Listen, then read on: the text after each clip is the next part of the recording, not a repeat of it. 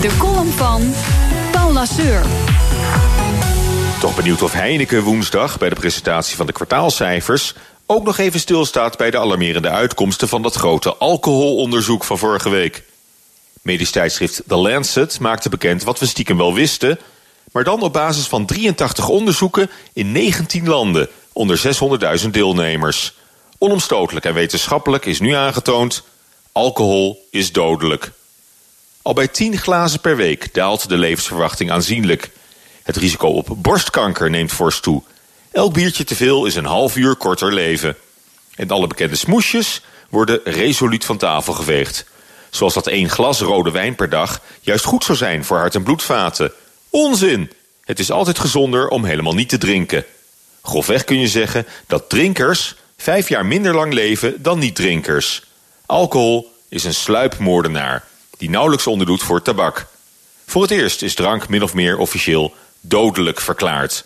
En dan moet het terrasseizoen nog beginnen.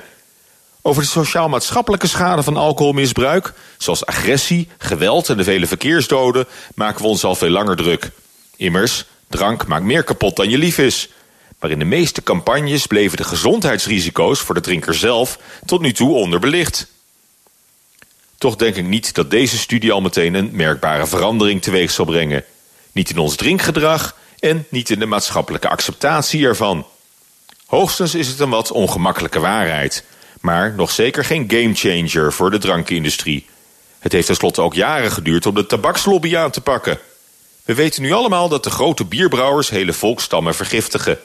Toch mag Heineken rustig doorgaan met het sponsoren van grote sportevenementen, zoals de Olympische Spelen en Formule 1. Door het hele land stunten supermarkten nog elke week met kratjes bier voor 9,99 euro. Mij lijkt het een duivels dilemma voor deze miljardensector, die zijn reclameboodschappen nu nog vergezeld doet gaan van dat ene slappe zinnetje. Geniet, maar drink met mate. We houden het graag gezellig. Maar waarom geen drinken is dodelijk? Zoals op de sigarettenpakjes. Met vieze foto's van enge ziektes. Accijns omhoog met 200, 300 procent. Hoe lang nog voor de pensioenfondsen en andere investeerders niet langer in Heineken willen beleggen? Zoals ze zich eerder terugtrokken uit wapenfabrikanten en tabaksproducenten.